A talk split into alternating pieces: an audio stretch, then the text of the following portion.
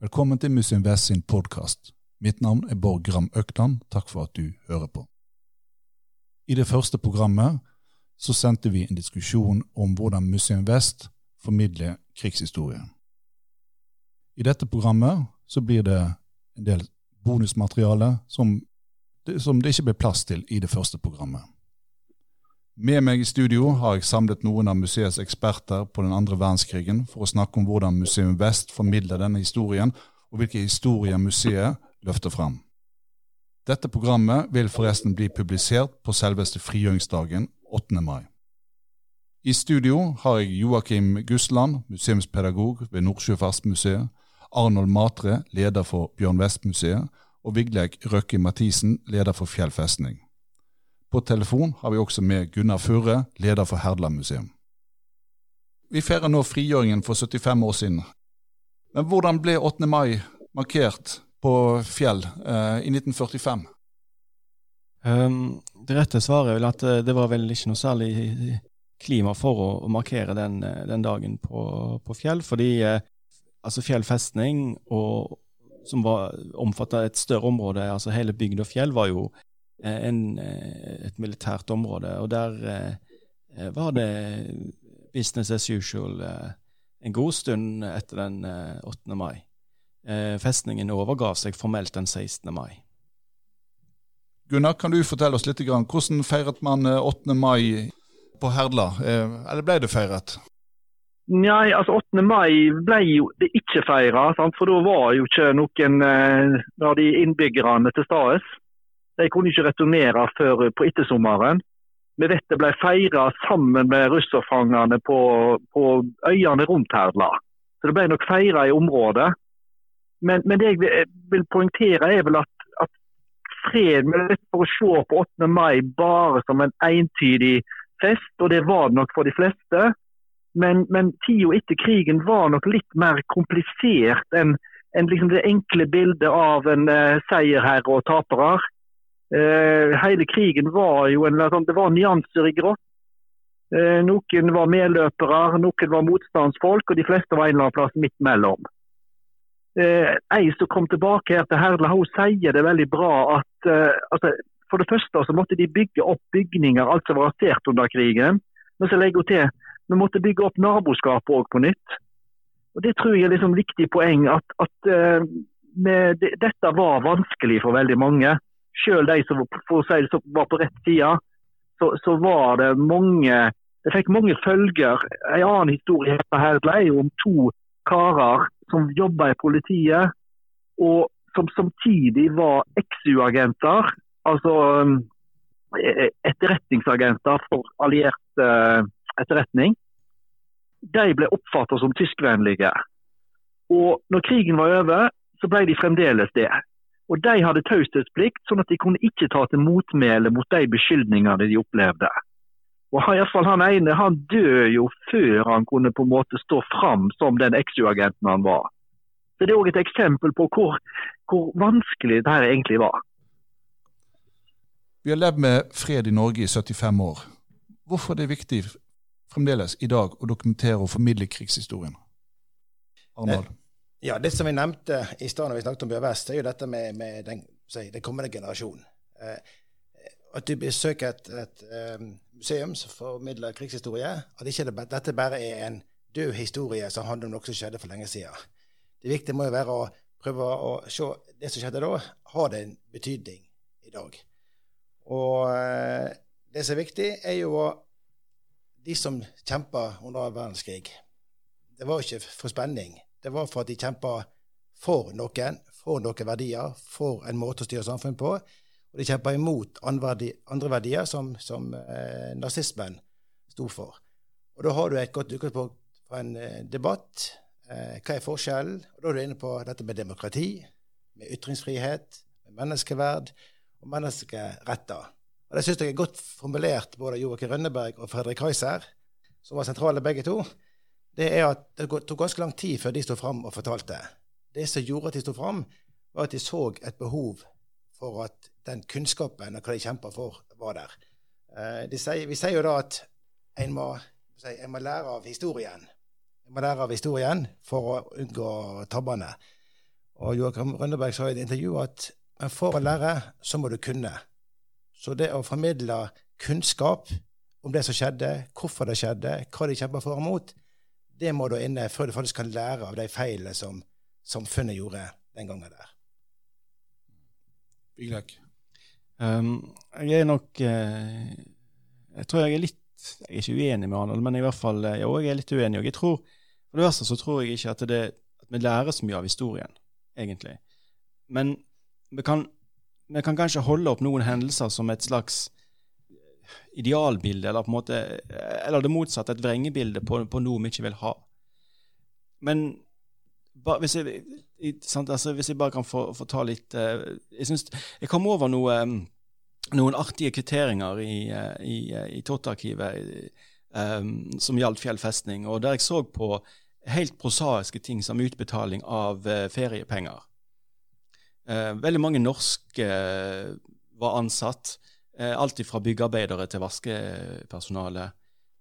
Så fikk de betalt feriepenger, og noen av de var ansatt i et firma som heter, heter Carl Brandt. Det finnes den dag i dag i Tyskland, et stort entreprenørfirma.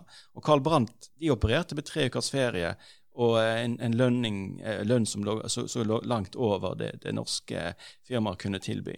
Så, så, så, det var bedre lønnsforhold, og det var bedre si, forhold for, for, for å ta, ferie, ta, ut ferie. Og, og feriepengene ble da betalt ut eh, så sent som i slutten av juni 1945. Sant? Og hvorfor sier jeg dette? Jo, fordi at skal vi si at de som tok arbeid for Carl Brandt, eh, skrivemaskinfolk, eh, vaskepersonale og sånn, gjorde det en feil? Var det feil å ta arbeid hos, hos, hos okkupanten? Sånn, dette er ikke brakkebaronene, dette er helt vanlige folk som, som, som jobber eh, hos Carl Brandt. Eh, I dag så blir vi oppfordra til å reise rundt i Europa og, og, eh, en måte, og, og jobbe i, i, andre land. Eh, så det, må, det, er nødt til å nyanseres. Eh, og det tenker jeg at det, det, er den jobben vi har å gjøre, det er på en måte å nyansere. Og så ta ned disse helt... Altså, vi må drive litt sånn billedstorming, på en måte. Altså, vi må ta ned heltene Altså, det, er ganske, det er ikke så lenge siden vi fikk en eh, Max Manus-film. Den kom i 2008.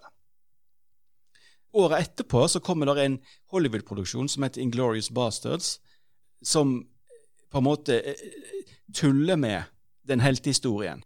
Sant? Men i Norge så lager vi på en måte en klassisk heltefortelling i 2008. Og jeg tenker at vi trenger ikke flere sånne fortellinger. De har vi fortalt. Nå er det på tide å fortelle alle de historiene som på en måte er i grått, eh, og noen er i svart.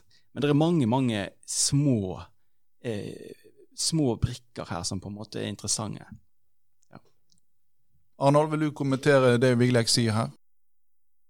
Ja, eller kanskje heller utfylle, for dette er jo det er mange måter å se på det, er mange innfallsvinkler. Eh, det som jeg tenker er viktig, det som vi har fått med på Vestmuseet, bruker krigshistorien som eksempel på, det er ikke heltehistorien, men det er det å stå opp for noe. Det å stå opp for andre. Det å stå opp det du tror på, og ta konsekvensen av det.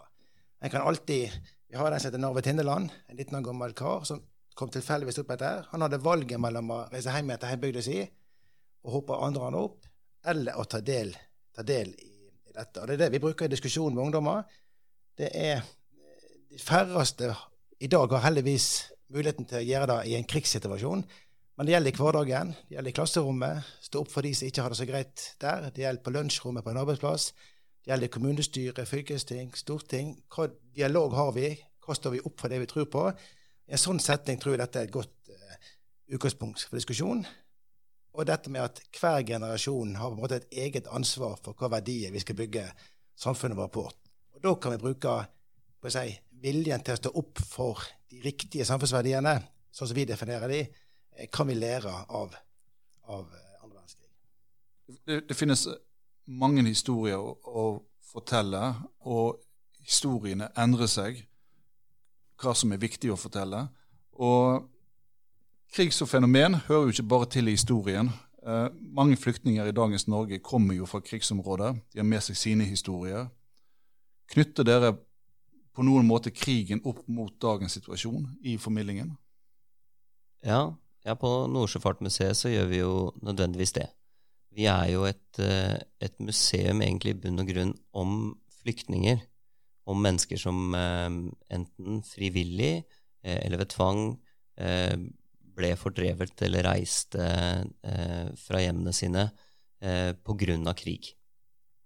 Og, og vi, forsøker, vi, forsøker, jo også å knytte det, det fenomenet fra fortida opp mot ting vi i dag, ser i dag. Um, en, enkelt, en enkelt, ting er jo å forsøke å sammenligne båtflyktninger fra Vestlandet eh, i 1941 med båtflyktninger over Middelhavet i dag.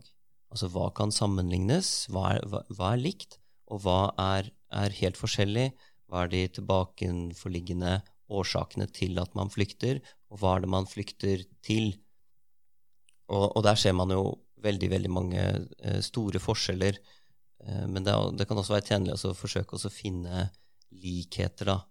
Eh, og for å gjøre det, så må du, må du kanskje ned på, eh, på individnivå og sette deg, sette deg, litt dypere inn i eh, situasjonen som, eh, som enkeltindividet befinner seg i når man er på flukt.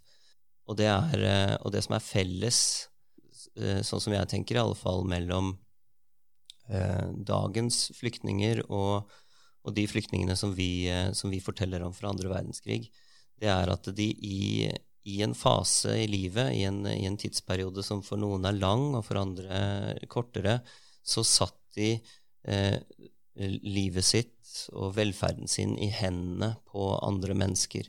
Og, og den velviljen, eller motviljen, de, de møter, avgjør veldig, avgjør veldig, mye om, uh, av livsvilkåra deres og uh, horisonten på hva de, hva de, kan gjøre med livet sitt etterpå. Uh, eksempelvis så var jo de norske flyktningene på mange måter heldige, for vilkåra som de ble tatt imot på, var, eh, var relativt bra. Eh, de var på mange måter ønska dit de reiste. Da de, eh, da de, nådde i havn på Shetland, så ble det feira at de kom. De ble tatt imot i Storbritannia, og de ble eh, satt til, til, nyttig virksomhet der. Eh, det, var, det, var, behov for dem. Eh, mens for majoriteten av, av flyktningene som som fins i verden i dag, eh, har jo ofte ikke noe, noe, sted å flykte til hvor de er velkomne. Eh, og det er en veldig, veldig viktig forskjell eh, som, eh, som, det er eh, nyttig å ta inn over seg. Museum Vest forteller jo om krigshistorie på Vestlandet, spesielt i fjell- og kystområdene i ytre strøk. Samtidig så har jo de ulike museene en lokal forankring i lokale samfunn. Hvilken rolle spiller egentlig krigshistorien for lokal identitet i dag? I steder som Matre, Herdla, Fjell, Telavåg, Vigleik? Ja, altså Det er jo det som jeg kan snakke litt mer eh, litt sånn museologisk eh, rundt det, kanskje. fordi at jeg kom jo til, til dette temaet, eh, som dere merker, men kanskje en litt, annen, eh, en litt annen holdning, eller på en måte en annen tilnærmingsmåte. da. Mens eh, eh, det en ønsker, mange i lokalmiljøet på Fjell i hvert fall, ønsker nettopp å, å kunne fortelle en historie om, om seier, og eh, mange ønsker det. Og det er jo det som Joakim har vært inne på, at det er jo eh, det, er, det, er, ikke noe kjekt å bli minnet på at en faktisk tapte. Og over bygd og fjell så ligger der tusenvis av tonn med betong og støpejern og, og Eh, et enormt anlegg som viser på en måte Og, og det, det, sier jeg, og folk Og jeg sier det òg for å provosere, er på en måte et slags symbol på den norske avmakten. Ingen seierherre fantes i Norge i maidagene 1945 utenom de britiske soldatene som etter hvert kom. Og hva skal jeg si At Norge, at Norge fikk sin frihet, det skjedde ved Korsk og Stalingrad og i Normandie, um, og ikke på fjell. For jeg skal bare ta et lite sånn, uh, litt innblikk her. Jeg, jeg, er ikke noen sånn en tysklandsapologet, men, men, det er viktig bare å få sagt det. Uh, det var 25 000 tyske soldater i bergensområdet, ifølge Tim Greve, i maidagene 45. Det kom en del Kompani Linge-folk, eh, ca. 30. Eh, den 14. mai så eh, kom det en flottilje opp fra Shetland, eh, og de ble liggende sør for Marstein fyr og venta. Og så skal jeg lese noe fra en som heter Georg Johansen, som er et øyenvitne fra, fra maidagene. Han skriver Flotiljen, som opprinnelig var bestemt for Bergen, våget ikke gå inn da det var kommet melding om at fjellfestningen var intakt, og at de hadde nektet å kapitulere. Dette er altså da i, på morgentimene den 14. mai. Så er det Shetlandslasen som bestemmer seg for at nei, jeg går inn. Til tross for at han ikke har fått noe klarsignal om at Fjell festning sine kanoner kommer til å være stille. Eh, de får beskjed fra den tyske eh, kommandanten for kystbatteriene, som het Moldenhauer. Vi skal ikke skyte. Flottiljen kommer inn til Bergen den 15. mai. Så blir det bestemt at jeg må få kontroll på dette stedet, Fjell festning. En drar ut med elleve soldater, det vil si, som, som Georg skriver, elleve unggutter uten våpen. Det er klart det at hvis de tyske soldatene ikke ville lagt ned våpnene sine, så hadde de ikke gjort det. Ja, nei, nei jeg syns jo jeg er enig med Vigleik her, da. Altså, eh, at, eh, at han sier at eh, på en måte tyskerne tapte. Altså, tyskerne tapte jo på andre fronter. Men som har vært inn på før, så er altså det var nordmenn som bidro og hadde en veldig viktig rolle, ikke minst krigsseilerne. Sånn at her var det mange som må stå på Det var motstandsfolk, sjøfolk. Så var det mange som bidro til denne seieren. Eh, uten at man kan si at Norge vant. At vi var, men vi, var, vi bidro, vi hadde en rolle. Men det, det, det jeg lurer på fremdeles, er på en måte også hva rolle spiller eh, museene, fjell eller matre for lokalsamfunnet i dag? Er krigen viktig for selvidentiteten i Telavåg f.eks.? Ja, det vil jeg jo påstå. Um, vårt museum, Nordsjøfartsmuseet, er jo bygd opp eh, i tett samarbeid med lokalbefolkninga. Bakgrunnen for at eh, det museet i det hele tatt ligger der det ligger, er at, eh, at bygdefolket i Telavåg bygde opp sin egen krigsminnesamling ehm, i etterkrigstida, hvor de, hvor de ville presentere sin fortelling. De hadde noen, eh, de hadde noen eh, veldig gode formidlere eh, blant de, blant de overlevende fra, fra, Sachsenhausen, som gjorde en stor innsats for å, for å formidle hva de hadde vært igjennom. Litt på samme credo som, som det som Arnold nevnte fra, fra Joakim Rønneberg, om at man måtte, man måtte ha kunnskap om hva som hadde skjedd, eh, for, å, for, å, stå rusta og forstå hva det var man, eh, man hadde. Eh, og så blei ble den eh, krigsminnesamlinga utgangspunkt for etableringa av Nordsjøfartsmuseet seinere, hvor veldig mange av gjenstandene vi har fått, og som vi har utstilt, kommer fra lokalsamfunnet. Og, eh, og selvfølgelig eh, veldig mye av eh, tidsvitneskildringene og sånt som vi, som vi bruker, kommer derfra. Men vi har også et, eh, et møtested, eh, et samlingspunkt den dag i dag for folk som bor i bygda. Og for de som vokser opp der, så er denne, eh, dette traumet da, fra, eh, fra, den andre verdenskrig eh, en del av, av, av, den stedsidentiteten, skal vi kalle det det, som man, man utvikler når du, når du, vokser opp der. Det er rett og slett noe som, som det er umulig å ignorere. Ok, Big Leg. Ja, jeg tenkte bare skulle si det at det er jo selvfølgelig en stor interesse for krigshistorie i Fjell. Og den er, den er jo eh, eh, katalysert gjennom fjellfesting. Eh, og fra 90-tallet utover så ble det jo da opp, eh, rundt eh, festningen opprettet altså kom det inn en, altså en, en dugnadsgjeng, Sotrøygarden forsvarsforening, og de bidrar til å på en måte få, få anlegget freda òg, og få det på en måte opp, opp, i bevisstheten til folk. Så ja. Det som jeg bare ville si, bare for å, komme, bare for å liksom at det er at eh, det, som jeg, det som du oppdager når du jobber på Fjell, er at du, der finnes på en måte et narrativ. Eh, og noen plasser er det lett å fortelle den historien. I Telavåg er det Da mener jeg lett i hermetegn, men det er på en måte en sånn det er en historie som du på en måte kan bruke, og den er, den er ikke så den, den, den, dytter ikke på så mange Altså, den, historien den er relativt grei. I Matre er det òg grei. Er, det handler om geriljasoldater Nei, unnskyld, ikke gerilja, det var jo eh, en sånn stay behind, eh, eller ja. Og så Og den historien òg er for så vidt grei. Den, den, den, den, på en måte rokker ikke ved noen sånne store narrativer. Mens på Fjell, når du skal fortelle krigshistorien der, så kommer du straks ut i en sånn Ja, men Du får alltid si Ja, men Ja, men For det, det passer ikke helt inn. Og det samme egentlig med Herdla.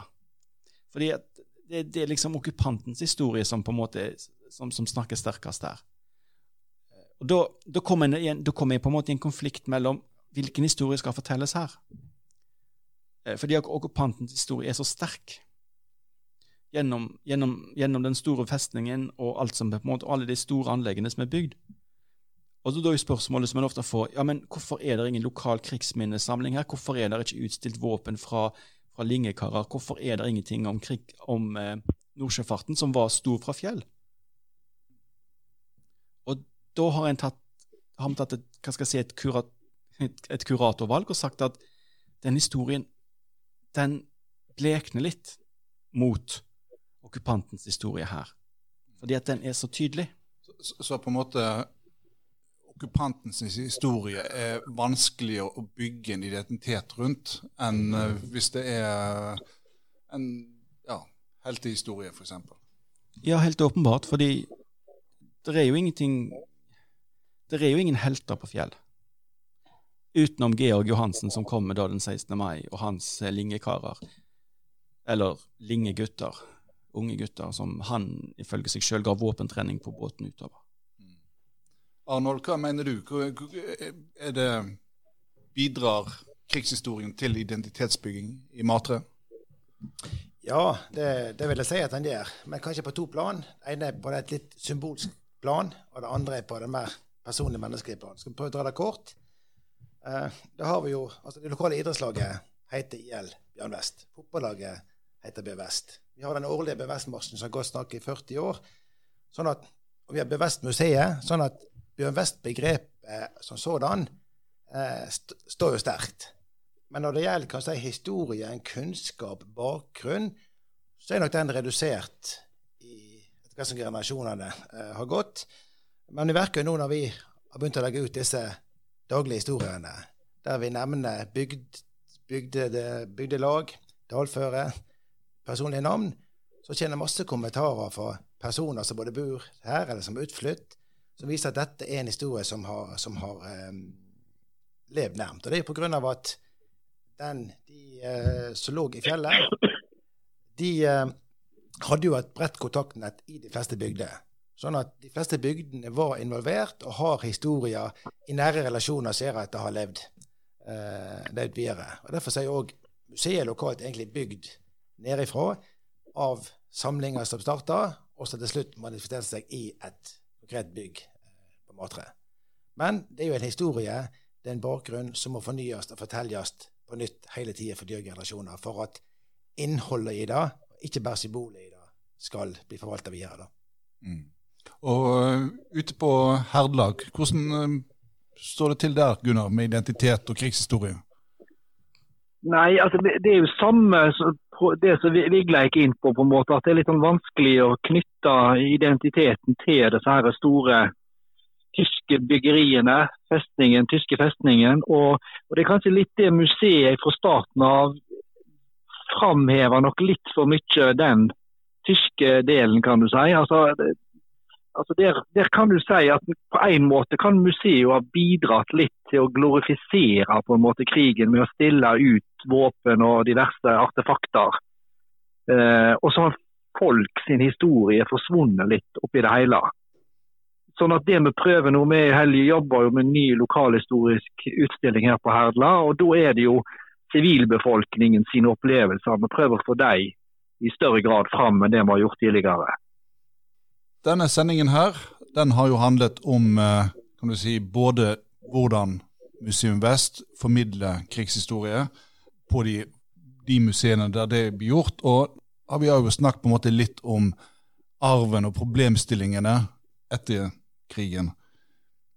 Takk til deg, Joakim Gussland Gusland fra Nordsjøfartsmuseet, Arnold Matre fra Bjørn West-museet. Vigleik Røkke Mathisen fra Fjell festning og Gunnar Furre på Herdla museum. Du finner Museum Vest sin podkast bl.a. på Spotify og Museumspodden. Du kan gå til Museum Vest sin nettside, så finner du informasjon der òg. Vi håper selvfølgelig at du har lyst til å abonnere på sendingene våre. Da gjenstår det bare å ønske deg en god 8. mai, og på gjensyn.